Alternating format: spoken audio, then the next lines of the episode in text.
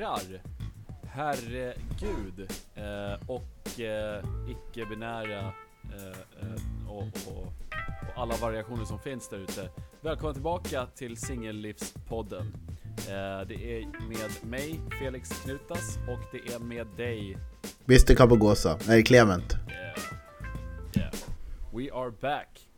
Ehm, hur har du haft det? Har du haft det bra? Ehm, ja, det har varit hektiskt som en i... Ja, jag ska inte svära. Så det har, gått, det har varit hektiskt, men eh, det har varit mycket förändringar eh, i livet. Ehm, men jag är... Jag skulle inte säga samlad, men eh, man är på nedgång nu, känner jag.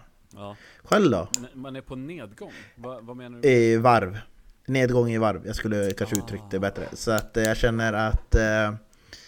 Ja, nej, men det har varit väldigt mycket och det kommer fortsätta vara mycket men det är ändå så här, man känner kurvan går neråt så att man kommer ner till status quo eller ja, en återhämtningspunkt. Ja, ja, jag förstår vad du menar. Hur har det varit själv då? Eh, jo men det har varit bra. Jag har varit nere hos min eh, flickvän i Stockholm dit jag också ska, dit jag också ska flytta Mm. eh, inom ganska snar framtid. Eh, jag har jobbat eh, en hel del. Eh, jag har pluggat en ännu större del. Och eh, bara för mycket jobb och plugg har det känts som. Jag har haft alldeles för lite roligt. Typ. Mm.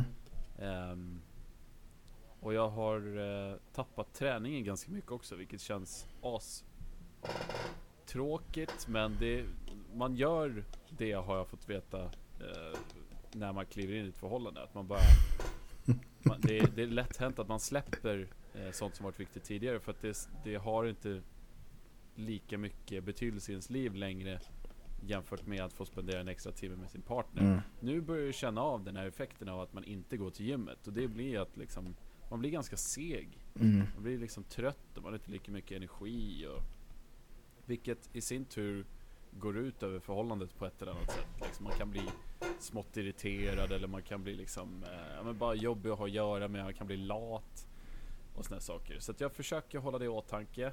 Ehm, och eh, jag har nu dubbla gymkort vilket känns för jävligt. Eh, jag bor eh, delvis i Luleå och delvis i Stockholm vilket är såhär, ah, skjut mig. Eh, trött jag blir.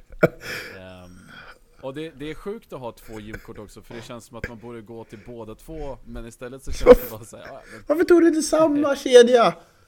Nej men det, det finns inte här uppe. Det, det är liksom, det går Jag vet att inte. Här- 24-7 finns. Ja, 24-7, men det ligger mitt inne i stan. Det är liksom 5 kilometer dit. Ja. Eh, det, är inte ens, det är liksom inte värt att ta bilen in dit bara för att gå på gymmet. Då kan jag lika gärna ha två olika gymkort. Alltså jag får ju skylla mig själv lite. Men då kan jag lika gärna ha två gymkort. Ett ligger mitt på, på, i Porsche centrum där jag bor. Eh, det är liksom en minut dit. Jag behöver bara slänga på mig ett par gymshorts så är jag där. Ja. Ehm, och eh, samma sak på eh, mitt gym i Stockholm. Det är liksom en minut ifrån. Um, och det kommer inte vara så jättelänge till och det är skönt att bara kunna komma hem och känna att man kan träna. Uh, jag har dessutom gjort mig av med båda mina katter, uh, tyvärr. Men det har ju låst upp då också, att, så att jag har mycket mer pengar uh, att och disponera över, över mitt liv. Liksom. Så att, eh, det, det, känns, eh, det känns lugnt. Jag trodde inte Jag katter var så mig- dyra i drift, men ja, okej. Alltså bara försäkringen låg ju på runt 600 kronor i månaden. Oh. Eh, och eh, sen har du ju mat på det och eh, liksom leksaker som går sönder och du vet, eh, det är sand. Mm. Ehm, Vi snackar runt 2 500-3 tusen per månad då, antar jag. Ja, eh, kanske inte riktigt så mycket. Mm. Jag skulle nog säga kanske en 2 tusen i kvartalet. Ja, okej. Ungefär. Ja. Eh, Så det är inte, det är inte jättefarligt. Men om man räknar ut det på ett år så är det liksom 10 000 kronor på ett år. Ja. Eh, och det är inte skitkul att lägga dem Alltså, så här, nu fastnar du. det är 100% värt att lägga de pengarna på mina katter För det, det, var, det var världens bästa djur Ja. de, de har fått ett jättefint nytt hem och det, det är så Men eh, så här när man När man inte har dem Så Känns ju 2 500 i månaden Mm. så betydligt mycket mer pengar Mm. Alltså Det är, det är skillnad på natt och dag Ja. verkligen. Ja men det fattar jag. I vad man kan göra för andra saker när man inte har katter. Ja. Men det, har- det, det, har varit en, det har varit en resa och eh, det, det, det, det var skönt att få säga hej då till dem. Men vi ska faktiskt prata om någonting annat än mina katter och eh, min, eh, min budgetering för 2021. eh, för helvete. Vi ska ju prata om eh, eh, när dejten blir ett förhållande Mm. eh, och när man har the talk. Yes. Ja, det var bra. Det var, jag, gillar, jag gillar den formuleringen. Det stämmer. Eh, jag kände just att jag tycker att det där är en jäv... det är en väldigt svår avvägning. Eh, det där när man har dejtat ett tag och sen när, när märker man att det här är mer ett förhållande eller att man fortsätter dejta. Mm. Eh, och hur, om man nu tvekar och vet eller vill någonting men man är osäker på den andra sidan, hur kommer man fram till the talk och hur ska the talk vara? Vilket kan vara svårt att säga men man kanske börja sätta lite generella ramar kanske. Kan vara väl Ja. någonting. Tänker jag mig. Ja. Alltså jag tror det handlar om att lägga band på sig själv alltså. Mm. Eh, För att jag har varit en sån väldigt mycket i mitt liv att jag, jag har alltid velat ta tag i the talk så att säga. Mm. Alltså, säg att man har Säg att man eh, träffats i fem månader och ingenting har hänt. Eh, vid det laget hade ju liksom haft ett tak för länge sedan. Men eh, jag, har fått, eh, jag har fått känna på eh, hur det har varit att ta the talk med någon som jag märker inte är riktigt intresserad av att ha the talk.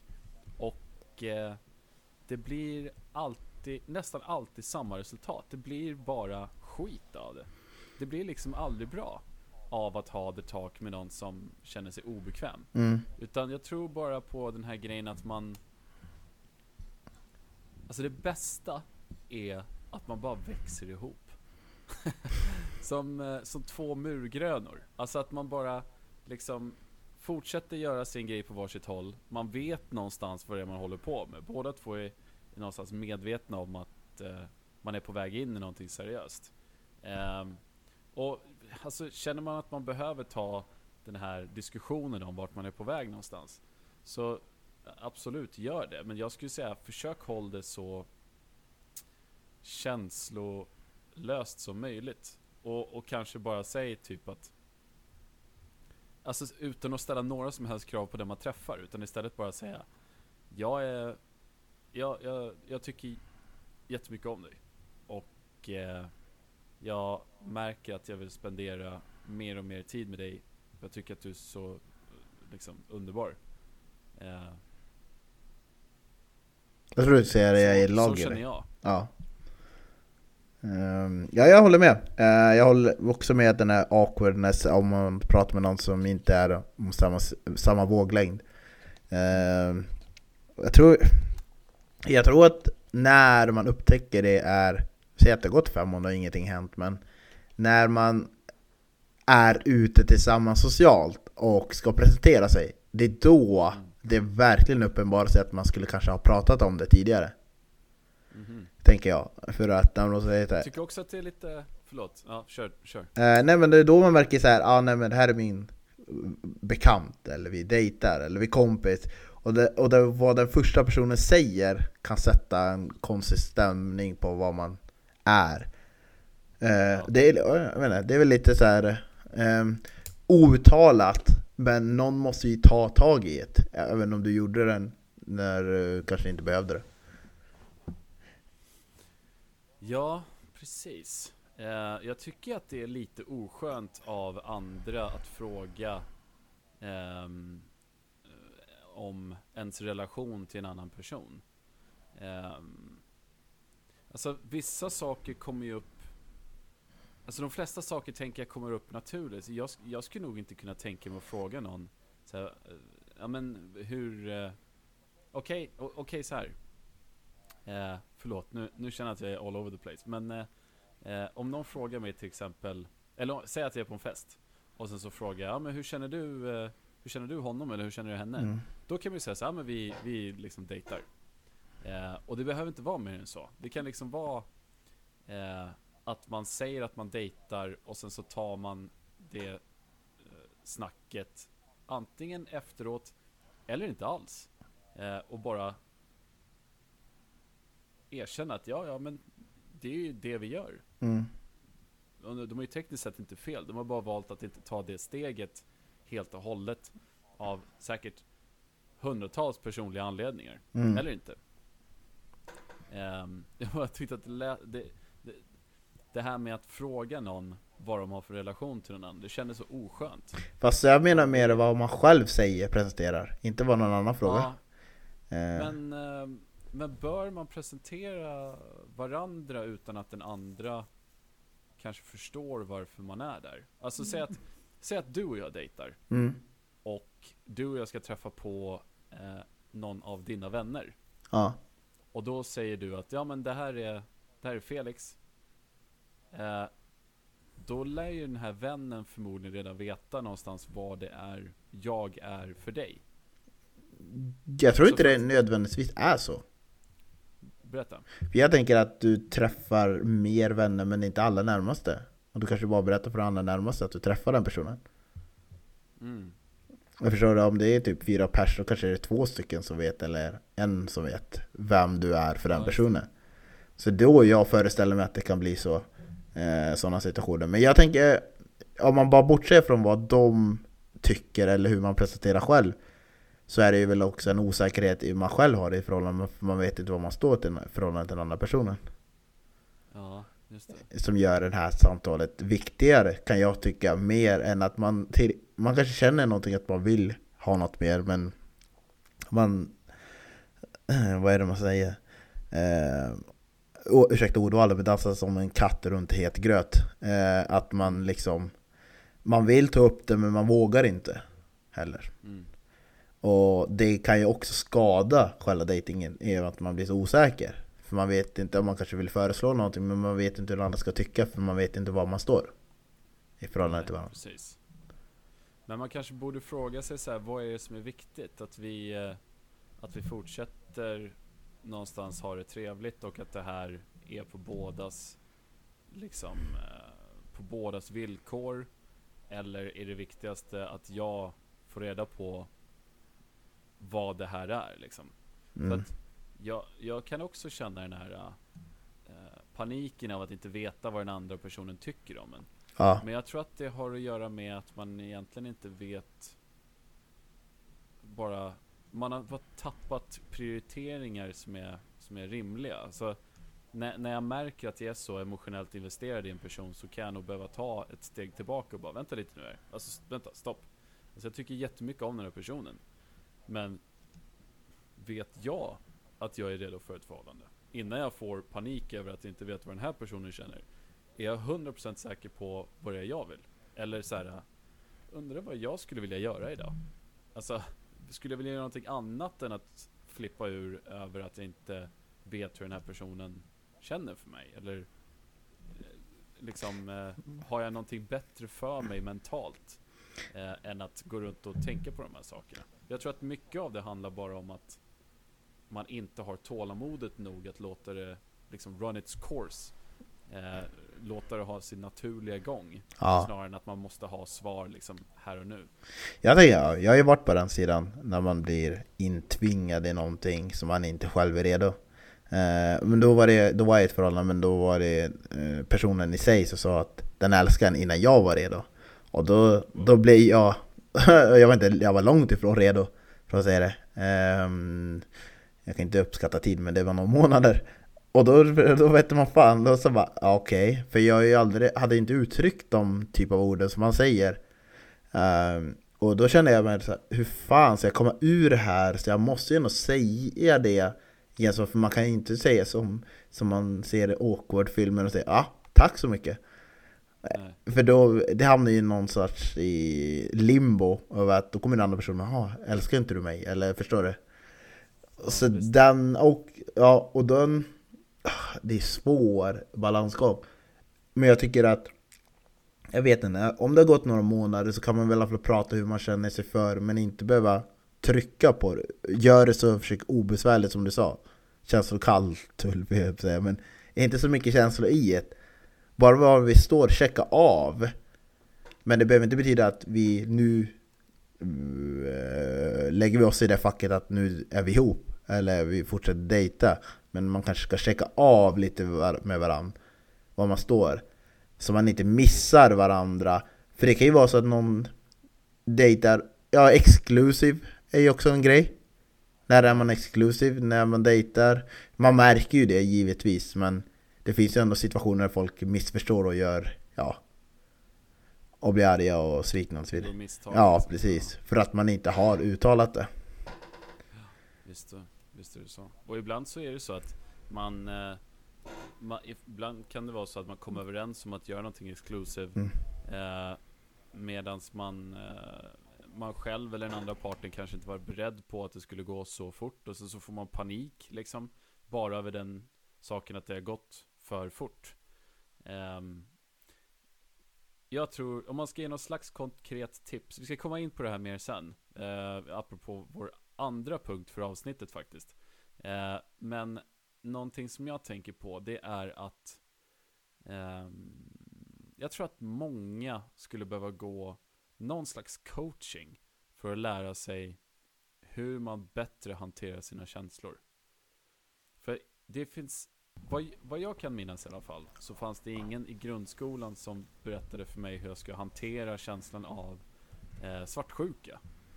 Eh, det, det är typ en sån sak som man, man förväntar sig att människor bara ska liksom enkelt förstå.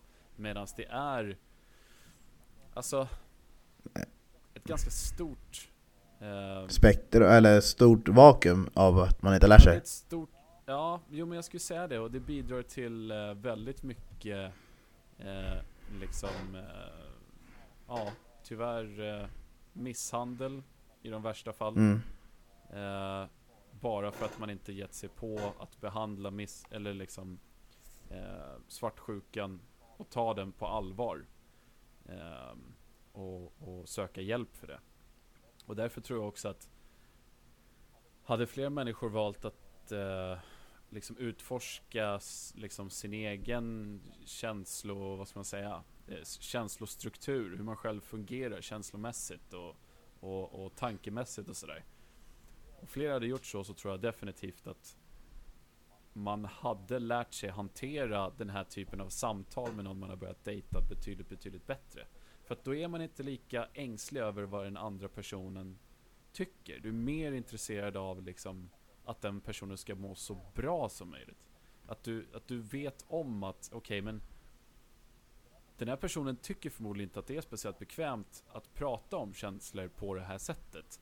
Eh, och jag respekterar det så mycket att jag är villig att bara släppa det och, och liksom lita på att den här personen är medveten om vad jag känner. Den är liksom så pass uppmärksam. Eh, sen tror jag i och för sig att allting går ju liksom inte att psykologisera bort. Nej.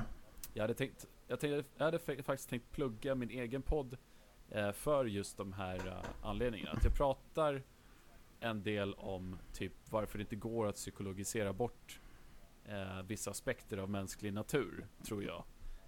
Um, i min andra podd som heter Fullkomligt Orimligt. Eh, men den kan man kolla in eh, i, där det finns intresse liksom. Men det jag tänker är att det som går att liksom psykologisera eh, och, och liksom lära sig av sig självt i de här fallen. Eh, jag tror att det handlar mycket om att bara sätta sina prioriteringar i sitt känsloliv tillbaka där de hör hemma. Vilket är inåt och liksom förståelse snarare än att sätta krav på den man träffar. Ja, eh. och lära sig hur man hanterar, och man måste ändå också lära sig hantera eh, motgången som personen kanske känner. Kanske inte känner så mycket för den personen. Om, du, om, jag, om jag bekänner att jag vill gå ett steg längre eller att jag känner att vi är på den här nivån och andra inte gör det och sen börjar tänka efter och känner att den vill backa ur och lära sig hantera det. För det kommer ju också den eh, varianten. Ja, ja, ja, apropå svartsjuka och sånt. Ehm, och ibland så känner jag, ja absolut det där med att man skulle prata med någon till exempel. för hur man hanterar det och man märker att man hamnar i samma fälla. Att, den, att, den person, att personen inte vill gå i förhållande men man dejtar länge men det händer ingenting. Då har man ju någonstans missat signalerna av var det går fel. Och då kanske man kan behöva prata med någon liksom utanför sin sfär. Ehm, jag märker ju också ehm, vad avtrubbad jag kan också bli i den här pandemin. Eller just för att jag bor i en storstad.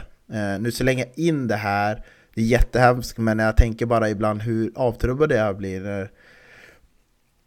Det, apropå det där med misshandel och sånt så var det en, en granne eller grannkvarteret som blev mördad här för fyra dagar sedan. Eh, jag tror det var mannen som slog igen, slog igen kvinnan i fredags eh, på påsk, långfredagen. Så att de skickade ut en mail till eh, alla oss i, i, som är hyresgästförening om man vill prata. Eh, ja, liksom okej. Okay. Det, det var inget för mig på så sätt. Men det är för jag vet ju inte vem det är. Och jag aldrig, antagligen så har jag kanske sett någon gång men inget som man vet. Men det är som, man blir lite avtrubbad också. För man tänker så mycket in i sitt eget värld. Men för att återgå till det här så tycker jag att Alltså att tabun att gå, på, uh, gå hos psykologen eller terapi uh, Som vi kommer att komma in på uh, Som killar, så den, den är ju på väg att försvinna men den skulle ändå försöka Man skulle behöva det som sin kille för att kunna hantera de här känslosvallarna man kanske har när man inte vet hur man ska hantera och vad man ska fråga och när man ska ställa frågan om Vill du bli seriös med mig? Eller hur känner du det här går? Eller, jag vill eller till exempel bara säga att jag vill ta ett steg bak, att jag känner inte riktigt att det här är någonting för mig. Mm. Jag tror att det gäller för, eh, precis som du är inne på, eh, och jag tror att det var det du menade också, att det gäller ju såklart både tjejer, killar, mm. Eh, vilket spektrum man nu känner sig att man, man tillhör. Alltså, jag tror egentligen att det finns, det finns nog inte någon negativ aspekt med att lära känna de känslorna hos sig själv. Sen kan man ju välja att inte göra någonting mer dem. Alltså, vi är ju uppbyggda på, på vår personlighet, den som vi får med oss liksom, biologiskt. Mm. Eh, och den kan man ju inte göra så jättemycket åt. Jag vet inte om man borde göra så jättemycket åt den heller. Men du kan egentligen inte göra ett aktivt beslut först du vet vart dina tankar, känslor och impulser kommer ifrån. Mm. Du har inte fattat ett medvetet, fritt beslut förrän du är medveten om de här processerna. Alltså... Eller skulle man kunna, annars... skulle man kunna göra ett, re, ursäkta, men skulle man kunna göra en konkret, skriva ner en lista av vad man känner? Både plus och minus, alltså lite få or, organisera sina tankar som kanske är lite här och var i de här situationerna. Det är en jättebra idé. Alltså, jag rekommenderar alla att skriva eh, dagbok till exempel. Det låter skittöntigt men eh, det, det är verkligen en, en, eh, en livräddare och har varit det. För att, alltså, ta det från någon som har gått i terapi för svartsjuka, osäkerhet, dålig självkänsla.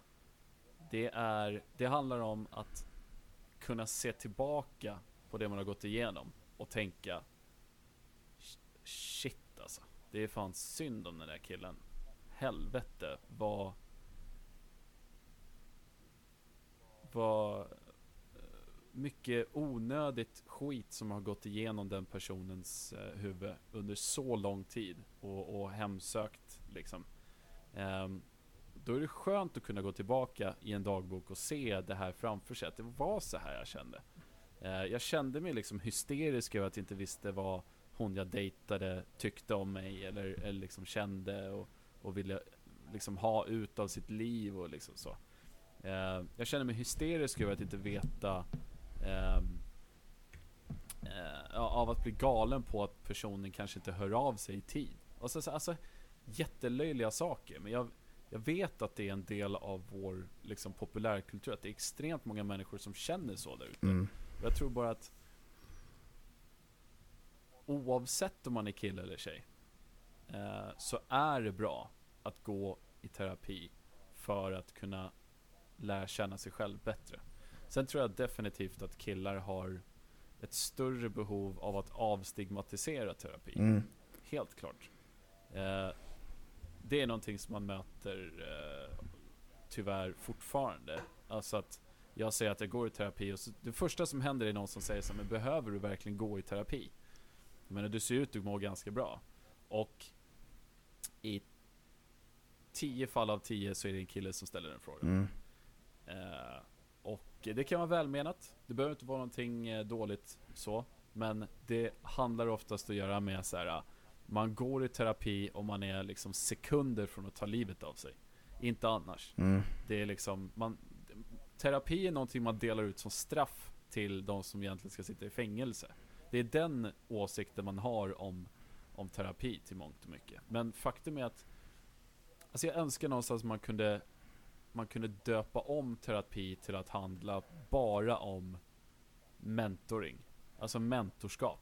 Personligt mentorskap. Eller eh, känslocoaching. Eller någonting som inte klingar lika mycket liksom sitta ner och prata om eh, liksom varför eh, man tror att man skulle vilja ha sex med sin morsa eller eh, Alltså att man har förtryckt massa minnen och såna Mm. grejer. Alltså det, det behöver inte ha med det att göra. Det kan bara ha att göra med att eh, Idag känner jag så här, okej hur, eh, hur skulle du vilja känna imorgon? Mm.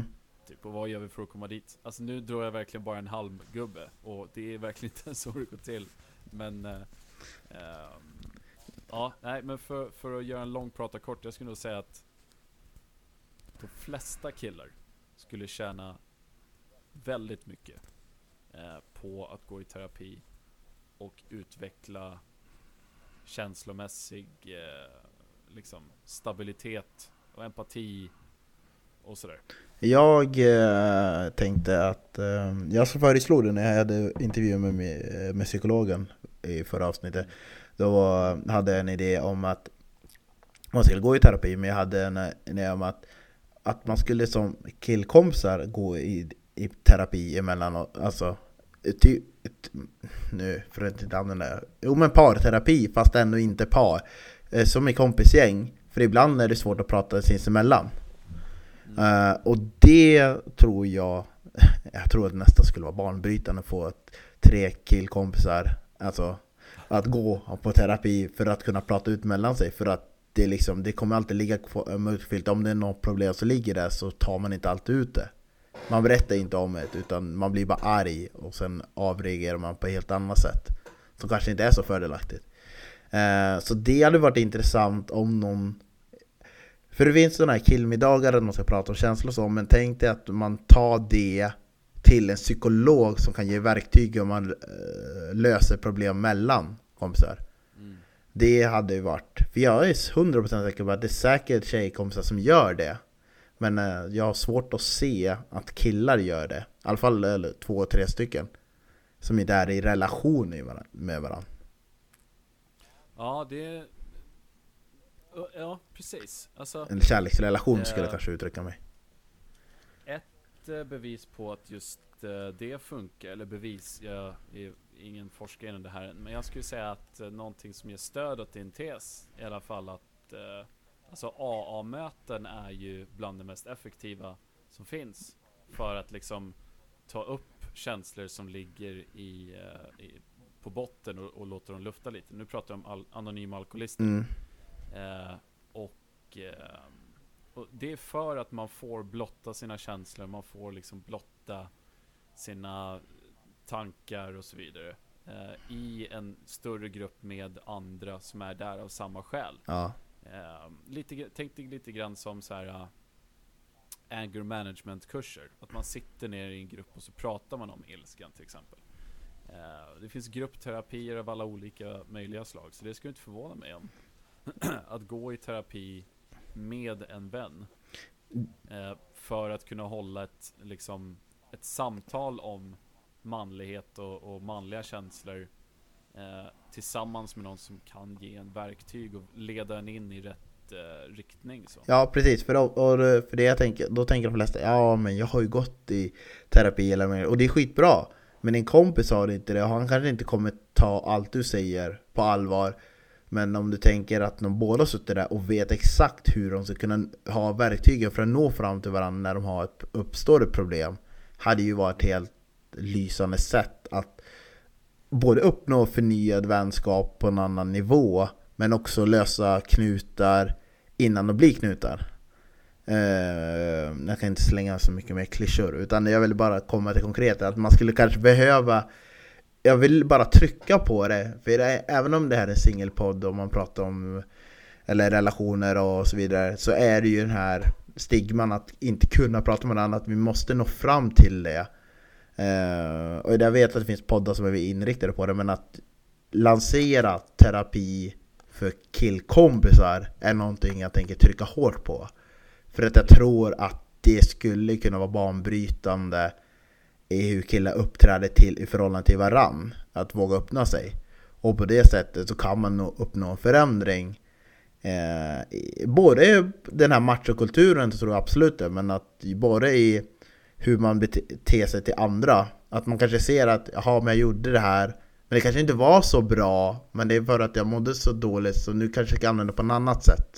Förstår du? Att man reflekterar över sig själv konst, inte konstant, men ofta innan man gör någonting som kanske inte är så bra i det long run.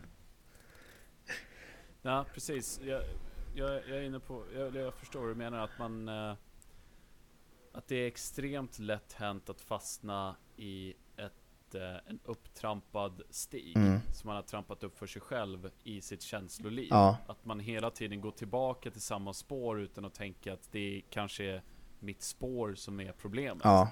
Eh, det är därför jag inte kommer ur den här singelfällan. Det är därför jag liksom inte Det blir aldrig bra när jag tar upp saker med den som jag håller på att dejta.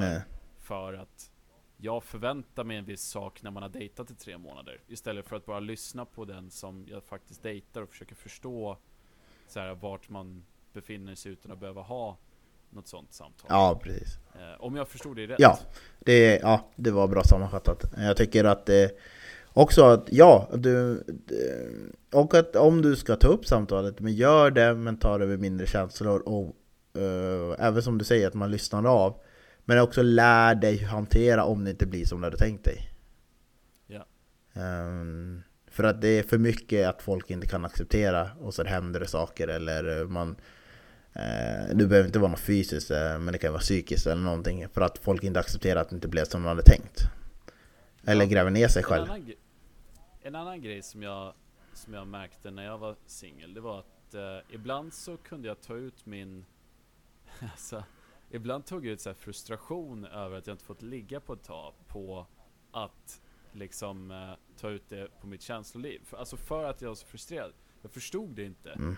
Eh, men för att jag gick runt och var frust så frustrerad över att jag inte har legat så, eh, så tog jag ut det över den som jag höll på att träffa. Och sen så onanerade jag och sen så var det som att jag kunde bara lägga det på hyllan lite grann. Och sen så var det som att jag kunde plocka ner det efter att jag hade onanerat och bara så här, Fan, det var inte lika viktigt nu. Mm. Det, jag behövde, jag behövde runka ja. och liksom clear my mind. Och sen kunde jag ta ner det och bara, ah, det var inte så urgent. Nej. Utan jag kunde, jag kunde vänta med det. Och då, då visade det sig att det, det liksom var någonting där. Att, att jag, man behövde bara ta hand om sig själv. Dra en handtralla och sen så var man eh, lite klar med det för ett litet tag. Liksom. Det är ganska... Och då vet man ju också att så här, går det inte bort eh, efter att du har eh, liksom, försökt göra någonting åt det. Så då kan det ju vara ett tecken på att, ja men okej, okay, vad jag än försöker med så blir jag liksom inte av med de här tankarna och känslorna. Så då kan det vara värt att åtminstone börja fundera på hur man ska lägga upp det. Liksom. Ja, och eh, absolut. Det är en ganska klassiker. Eh, man brukar säga det både i filmer och serier att personen är stressad, uppjagad och blir arg på ingenting och så går den och gör en eh, handtralla och sen kommer det tillbaka, ja ah, men det är lugnt, nu är jag redo att filma och sen är det som en helt annan person. Och då kan det vara att den liksom, det kan man behöva göra med um, Ja, nej, så att det, det är väl typ det att jag vill bara konkretisera att man gör det. Uh, hur skulle du, förutom att den är känslokall, hur skulle du föreslå för en person som funderar på att den vill ta nästa steg med en person? Vad den skulle göra? wow. Um. Ska den fråga lite innan den ställer den stora frågan? Hur den... Nej, jag, jag skulle säga så här. Var smart. Och bara lyssna försök liksom, om du var en radio. Försök ställa in din frekvens efter hennes frekvens, eller hans frekvens. Eh, och liksom lyssna in på hur den personen beter sig, eh, hur ofta den vill ses, hur ofta den hör av sig, hur den vill ses, vad den vill göra. Eh, och sådär. Och, och känns det som att alla de här sakerna liksom som, eh, som du snappar upp någonstans eh, att, att det talar för att ja men fan den där personen kanske vill ha ett förhållande med mig i alla fall. Eller den här personen vill fortsätta vara singel eftersom att vi bara ses för att, för att ligga och sen så hörs vi nästan inte någonting annat. Eh, då vet man någonstans vad man behöver göra för sig själv. Alltså eh, om, om jag märker att det här är en person som uppenbarligen vill ses mer och vill ses på samma sätt som jag vill. Då kan det vara värt att säga så här, du jag har märkt att eh, när vi ses och hänger så har vi skitroligt tillsammans och ja, vi bara har det hur bra som helst. Ehm, jag, jag tänkte inte ens att jag skulle behöva fråga dig det här för att det känns som att det är så självklart för mig redan. Men eh, är, vi, är vi exklusiva? Eller hur vill du ha det? Mm. Eller typ, eh, alltså eh, inte hur vill du ha det på ett så här, eh, nu ställer jag dig mot väggen, nu ska du svara, hur ska du ha det? Utan bara så här, eh, vad, vad är det här? Typ, hur känner du? Mm. Eh, det behöver inte vara ett stort samtal heller, det kan verkligen bara vara att, ja, Ja, ja. att man pratar om, eh, man pratar om det ganska lågmält, ganska lågaffektivt så här, ja men så här känner jag, ja okej, så här känner jag. Ja, det var inte så mycket mer med det. Um, sen kan du också se på hur, um, både på saker du gör för den personen, hur, du uppskatt, hur den uppskattar det. Uh, den kan känna, åh nej du gör för mycket, eller om den verkligen uppskattar det. Jag vet inte, man kan se skillnad. Man gör saker för det, man kanske lagar ens favoritmat vid något tillfälle. På en, ja men du märker väl olika nivåer av uppskattning av det lilla du gör. Då kan du också se om den personen verkligen är inför eh, att gå in i en relation. Men sen får man ju också jag ska lägga in en brasklapp på det jag säger För att du får vara varsam om personen har precis kommit ut ur ett förhållande För då är det väl typ att den är van med att alla de här sakerna Men den kanske ännu inte är redo för förhållande Nej, exakt. Eh, och då får man ju någonstans göra en sån här självcheck att säga, okej men det här är uppenbarligen inte den personens prioriteringar. mm. Vad är det jag behöver? Ja, Vad är det jag vill med det här? Är det, om det är mitt beslut, om jag, om jag kan fatta ett beslut som, som säger att, ja men jag vill ju uppenbar, jag känner att jag vill ha ett förhållande. Mm. Sen kan man ju gräva mer i det såklart, men så här, jag känner, jag kommer till slutsatsen att jag vill ha ett förhållande. mm. Eh, och den här personen fortsätter att liksom slingra sig. ja, Då kanske inte det är rätt person. nej Hur mycket man än vill det, hur många känslomässiga samtal man än tar, hur mycket man än frågar om man ska vara exklusiva, etc. Det spelar liksom ingen roll. Om du märker att det här är en person som inte vill vara med dig, på samma sätt som du vill vara med den, då kan det vara värt att ta ett steg tillbaka och, och känna att, ja men, då kanske det är dags för mig att Va- vandra vidare göra mig själv liksom. Ja och, och, är det så att den personen ångrar sig och vill det här Då kommer den komma tillbaka. Ja. För ett, man tappar inte bort numret så att säga. Och helt ärligt talat eh, Ta den från någon som har haft eh, Så många fiskar och så många chanser till sitt liv. Det finns fler fiskar. Det gör inte, det är inte hela världen om man tappar en person som inte kunnat uttrycka sig och sina känslor. Mm. eh, Bara Gör det du behöver göra för dig själv Sätt det i första rummet alla andra kommer sen, jag lovar dig. Om de är värda att finnas med i ditt liv så kommer de hänga efter. Och jag tänker De kommer följa med. Det är bra råd. Och jag tänker, det här har jag märkt själv, av de personer som man har försökt att göra någonting så här seriöst och, inte, och det har inte funkat. Om jag kollar sen 6-8 månader senare, det är ofta som jag ser, jag kan se de personerna i rullning igen som är singlar fortfarande. Så att det finns någonstans där att det är ganska tydligt att den personen letar efter någonting som den inte hittar eller den är liksom har kanske helt annat livsprioriteringen. Så då, är det, då kan du också rus, eh, trösta dig själv med att det var inte bara att det var just du, utan det var bara att den personens prioritering var inte där.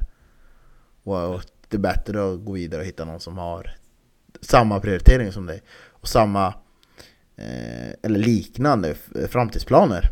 För det är också en vision av vad man vill göra framåt är också viktigt. Därmed inte sagt att det ska vara lika på alla nivåer exakt samtidigt. Det är jävligt svårt, men ja. Ja. Tänker jag. Eh, Nej, det, jag håller med.